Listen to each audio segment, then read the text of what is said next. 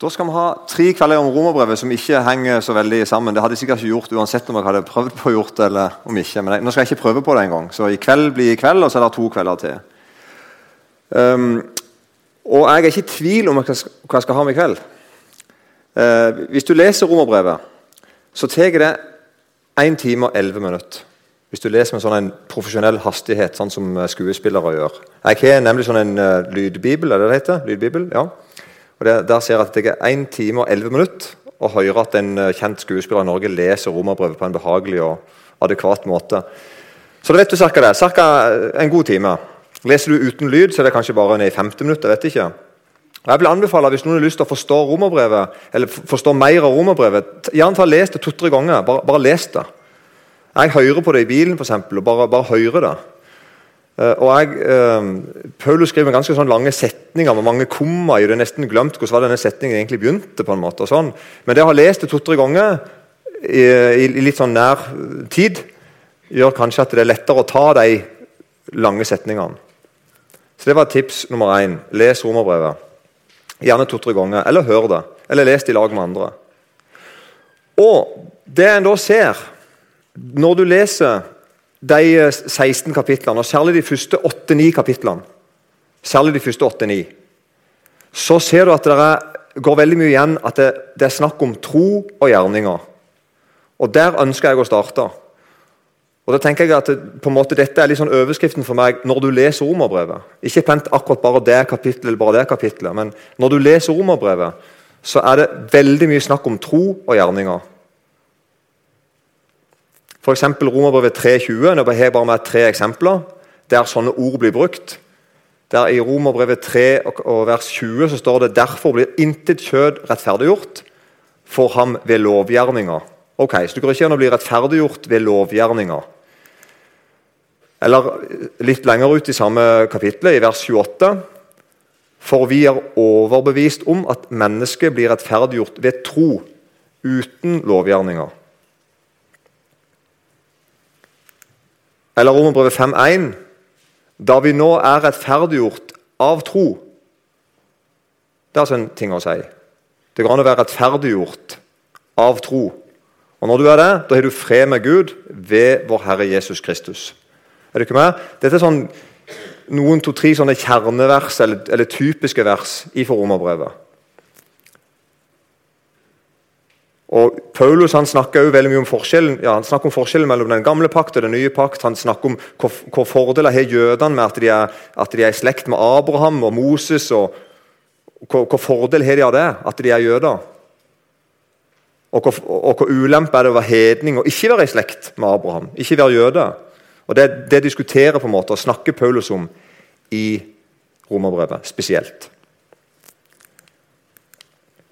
Og Derfor er første, Den første tingen vi skal snakke om nå i kveld, det er kort og godt hva er tro? Når det er altså sånn at Jeg kan være rettferdiggjort av tro, og det ikke er lovgjerninger, hva, hva er det for noe? Hva er tro for noe, og hvordan kommer jeg til tro? Det vil jeg snakke litt med dere om i kveld. Er det greit? Og Da kan det skje at noen her kanskje ser Jesus som sin frelser for første gang i kveld. Det har jeg tenkt på. Det er, det er, det største en kan be om, og det har jeg bedt om. og jeg er forberedt på at det kan skje. Det bør du òg bare være. Det kan, du, det kan, være at du ser Jesus som din frelser for første gang. Og det kan være at du ser Jesus som din frelser akkurat inn i en situasjon nå. Du vet han er frelseren din, og du hører Jesus til, men det er noe akkurat nå som er vanskelig for deg. Kanskje du i kveld ser at Jesus er din frelser. Det er det Paulus først og fremst vil med romerbrevet. Det er å forkynne Kristus, han som rettferdiggjør syndere. Så hva er tro? Hvis vi bare leser noen vers uh, i Romerbrevet 10 og vers 6-17. Romerbrevet kapittel 10 og vers 6-17. Kjære Jesus, jeg ber om at du må være her med din Hellige Ånd for navnet ditt skyld. Jeg ber spesielt for uh, de med dårlig samvittighet. Eller noen som vet at ikke de hører deg til engang. Ja, be egentlig for alle. Be om at vi får sett deg. Amen. Så det leser vi de versene i lag her. Men rettferdigheten av tro sier Si ikke i ditt hjerte, kolon. Hvem skal fare opp til himmelen? Det vil si, for å hente Kristus ned. Eller, kolon. Hvem skal fare ned, hvem skal fare ned i avgrunnen? Vil si, for å hente Kristus opp fra de døde. Det sier altså ikke rettferdigheten av tro. Hva sier den? Ordet er deg nær, i din munn og i ditt hjerte. Det er troens ord, det som vi forkynner. For dersom du med din munn bekjenner at Jesus er Herre, og i ditt hjerte tror at Gud reiste ham opp fra de døde, da skal du bli frelst. Med hjertet tror en til rettferdighet, og med munnen bekjenner en til frelse. For Skriften sier 'Hver den som tror på Han, skal ikke bli til skamme'. Her er ikke forskjell på jøde og greker. Alle har de samme Herre, som er rik nok for alle som påkaller ham. For hver den som påkaller Herrens navn, skal bli frelst. Men hvordan kan de påkalle en som de ikke er kommet til tro på? Og hvordan kan en tro på en som de ikke har hørt om? Og hvordan kan de høre uten at det er noen som forkynner? Og hvordan kan de forkynne uten at de blir utsendt? Som skrevet står, hvor fagre deres føtter er som bringer fred, som bringer et godt budskap. Men ikke alle var lydige mot evangeliet, for Jesaja sier, 'Herre, hvem trodde vel det han hørte av oss?' Så kommer da troen av forkynnelsen, som en hører. Og forkynnelsen som en hører, kommer ved Kristi ord. Her skal vi først stoppe med vers 13. For hver den som påkaller Herrens navn, skal bli frelst. Det er et vers som mange kan, og det er et godt vers. Og så er min overskrift nå her Vi velger ikke Gud. Vi velger ikke Gud. Og Da kan jeg fortelle litt om min bakgrunn. Jeg er født i 1973. begynner å bli ganske lenge siden. Eh, men jeg kan fortelle dere det er ikke mye som har forandra seg. Uh, egentlig. Men når jeg var ung, eh, på både mitt eget bedehus der jeg bor, men også altså i nabobygden Vi reiste litt rundt forbi på ungdomsting og på konserter og på happeninger og juletrefester og alt mulig sånn. Så var det en, en helt vanlig opplevelse for meg at forkynneren står der framme. Gjerne to. De akkurat fortalt et par gripende fortellinger om noe. Det kunne være faktisk ganske ymse hva de fortalte om, men det var gripende rørende. Du ble bevega av det. Er du med på den? Um, og gitaren var på plass, og lommekluten. Det var sånn en tøystykke du har. Ja. Ikke papir, uh, men i den tida du vask, resirkulerte din egen snott. Uh, og nede i salen da, så sitter noen og er bevega. Altså noen, noen, er med på det, kjenner at jeg er bevega, jeg er med jeg er med på det de snakker om. Og så var det da, så skrev jeg at og noen gråter, og så kårer han ut og røyker. Dette var jo før røykeloven, men temaet da måtte vi ut og røyke. Dette er settingen. Dette er en helt vanlig lørdagskveld for meg. Helt aldeles vanlig lørdagskveld. Kameratene mine satt rundt meg, og noen var litt med på det som ble sagt, noen var ikke med på det som ble sagt. Og Så kom det igjen et spørsmål litt sånn Når det begynte å nærme seg slutten på møtet, som kanskje skulle ha vært for en stund siden, for helt ærlig, men i fall nå er det snart slutten. Er det noen her som vil bli frelst? Eller er det noen her som trenger en fornyelse? Eller er det noen her som trenger forbønn for noe annet? Eller som kanskje er en syk, eh, slektning? Eller kjenner du at du har et behov for, for noe? Litt sånn treg materie. Er med på den? Bli litt stille.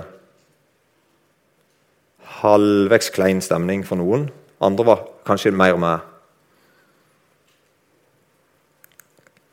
Forsøk nummer to der framme. Vi tar siste vers om igjen. Vi reiser oss. Så synger vi siste vers om igjen.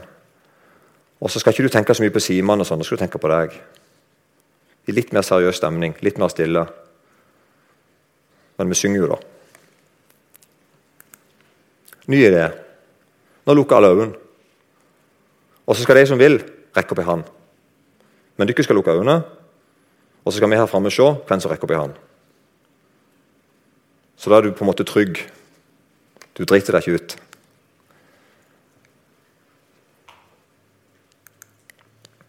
Og så etterpå, Nå kan alle som rakker opp i hånd, komme fram. Så der ryker litt den logikken. Så Du lurer ikke meg neste gang.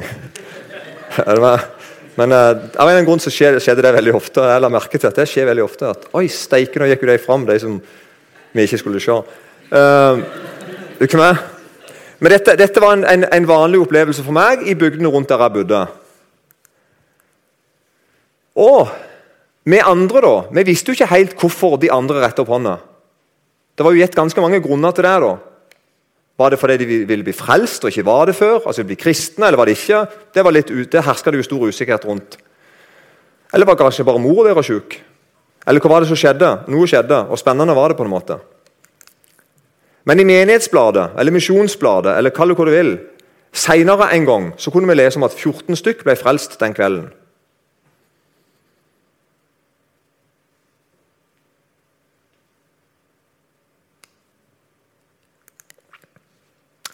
Det er fortsatt sånn som på 80-tallet. Bare at i dag er det litt bedre lyd- og lyseffekter. Og som regel er de her framme litt mer drilla på hva de holder på med. Men ufattelig likt som på 80-tallet. Det er min erfaring. Jeg vet ikke hvordan det er her, men rundt der jeg bor, så er det samme, samme dreisen på det. på en måte. Har du opplevd dette? Kjenner du igjen dette her? Og Hvor er du hen i dette?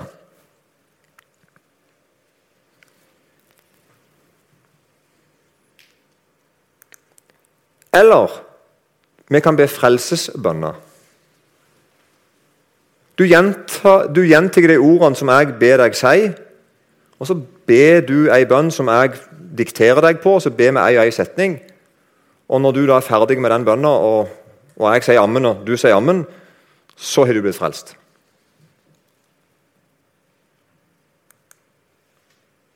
Så kan alle be denne bønnen etter meg. Når du gjør det, vil du bli frelst. Så enkelt er det. Det står i Bibelen at hver den som påkaller Herrens navn, skal bli frelst. Vi har akkurat lest det i Romerbrevet, ikke sant?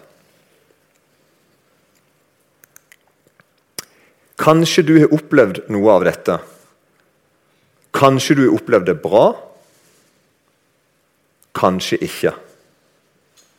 Og Det jeg sier nå, det mener jeg. Kanskje noen har opplevd nå, noe av det jeg nå sa. Opplever at jeg, opple, jeg opplever noe av det du sier nå, som ligner litt på det og jeg opplevde det bra.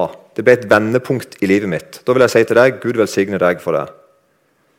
Så tror jeg det sitter noen her og opplever dette ubra. Du fikk meg som ikke tak i noe. Du ble lovt noe du ikke helt så du fikk. Så du måtte prøve om igjen en gang, og om igjen en gang, og om igjen en gang. Og om igjen en gang. Og det ble aldri helt sånn med deg, sånn som du hørte at venninna di og kompisen din fikk det. De vitna gjerne på lørdagen etterpå på et eller annet bra som hadde skjedd. når de var med på dette, og du kjenner at nei, det skjedde ikke for meg. Jeg vil spesielt snakke til deg i kveld. Jeg tror ikke det er så dumt det du føler, nemlig. Jeg tror bare du skal være ærlig på det du kjenner. Bare si det som det er.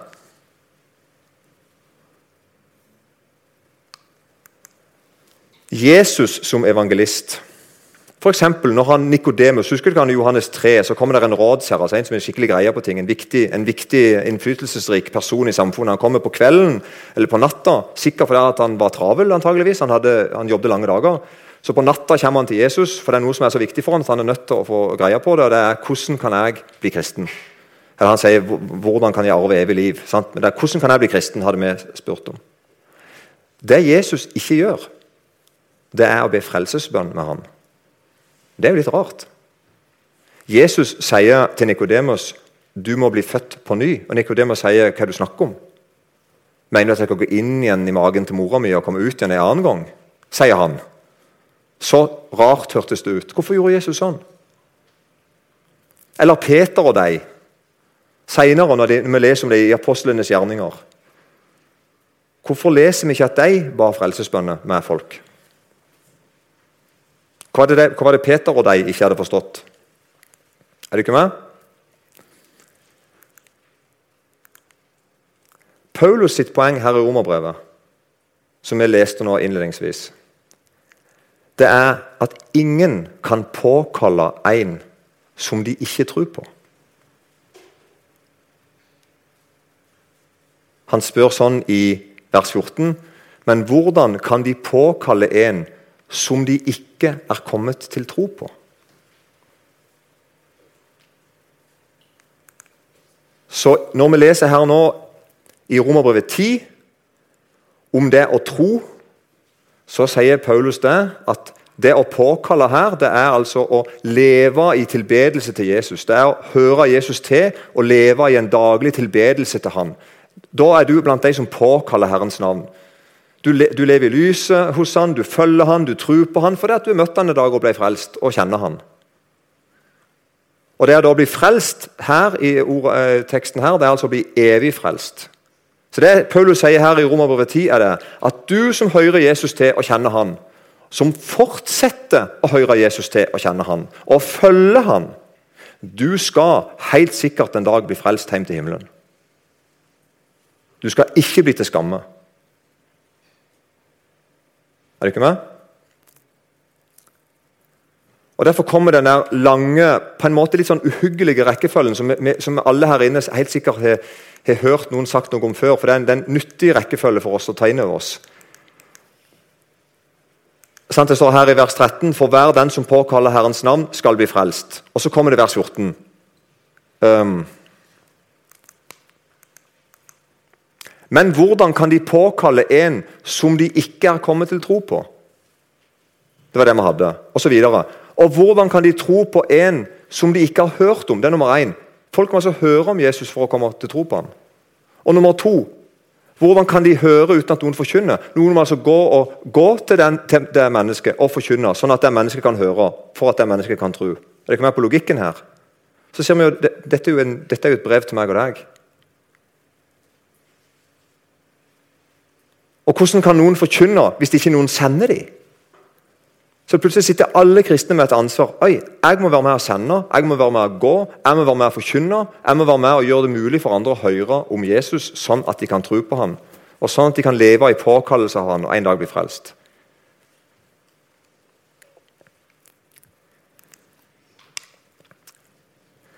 Og Dette er det største jeg vet i hele Bibelen. Trua kommer til oss. Det las vi i Romerbrevet 10, 17. Så kommer da troen. Du velger ikke Gud. Hva skal jeg si? Du skal slippe. For Gud kommer til deg. Troen kommer til deg. Troen kommer alltid til deg. Det er alltid troen som kommer til deg, og ikke motsatt. Det er det store. Det er når du ser det. Gud kommer til meg med troen sin. Gud gir meg tro. Og han kommer ikke bare til meg, han kommer etter meg. Gud springer etter meg med tro.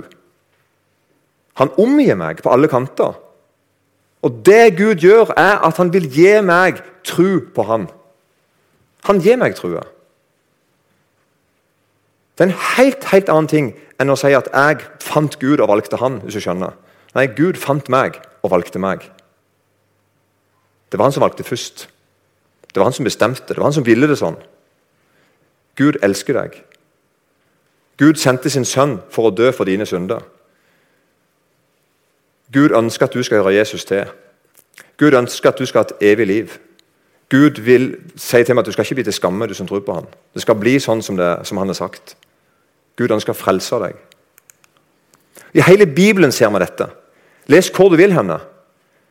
Om hvordan Gud elsker mennesker. Så ser vi at det er Jesus det er han som leter etter oss.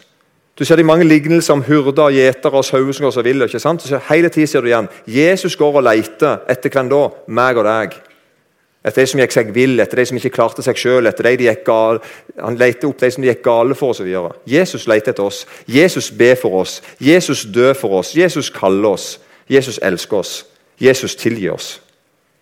Det er Jesus som kommer til deg. Jesus elsker deg. Så sier noen at vi har jo fått en fri vilje. Og Da kan du bruke på en måte den frie viljen til å velge Gud. Vi har alle fått fri vilje, så du kan bruke din fri vilje til å velge Gud. Og da vil jeg si at Sånn er det ikke. Den frie viljen vår, som vi skal komme litt inn på den litt senere, den er sterkt oppskrytt. Jeg kan til en viss grad velge en del ting. Jeg kan velge å la være å gjøre en del ting, og, og, og, jeg kan velge å gjøre en del ting. Helt klart. Og Jeg skal ikke på en måte sluntre unna det. Men det stikker ikke veldig djupt. Når alt kommer til alt, så er jeg bonden. Jeg er ikke fri. Jeg er bundet i bekymring, i troløshet, i blindhet, i egoisme, i rykter, i frykt. Jeg elsker ikke Gud. Jeg tror ikke på sannheten. Sånn kom jeg til verden. Sånn er jeg alene uten Gud. Men trua, den kommer likevel til deg på tross av hvem du er. Jesus er trua. Det er Jesus som kommer til deg. Det å møte Jesus og det å begynne å tro på Jesus, det er akkurat det samme.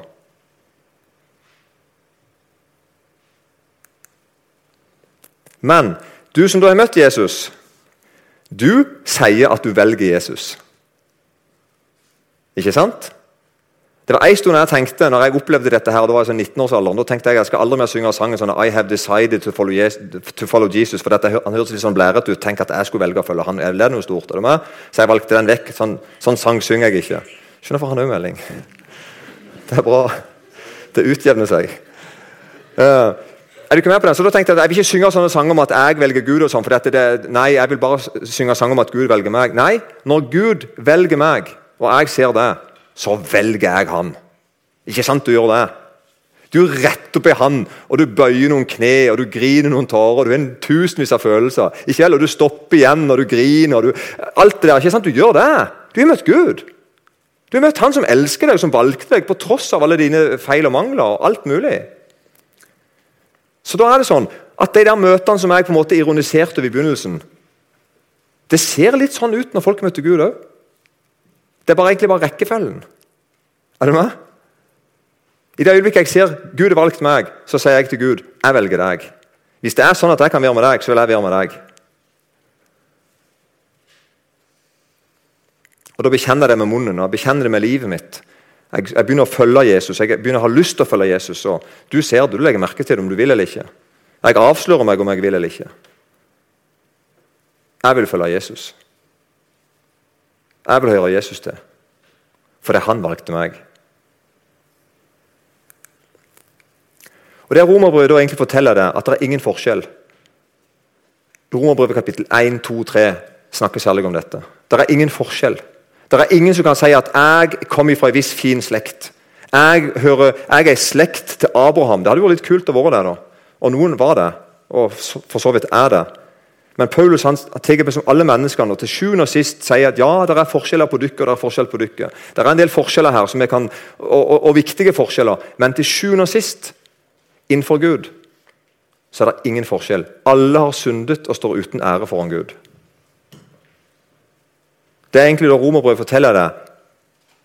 Ingen kan unnslippe. Og ingen er glemt. Det er egentlig det Romerbrevet forkynner. Ingen kan unnslippe. Komme en annen vei inn til himmelen. Komme seg unna Gud med, ja, komme under radaren til Gud. Ingen kan unnslippe. Og så det, det beste da til slutt altså, Ingen er heller glemt.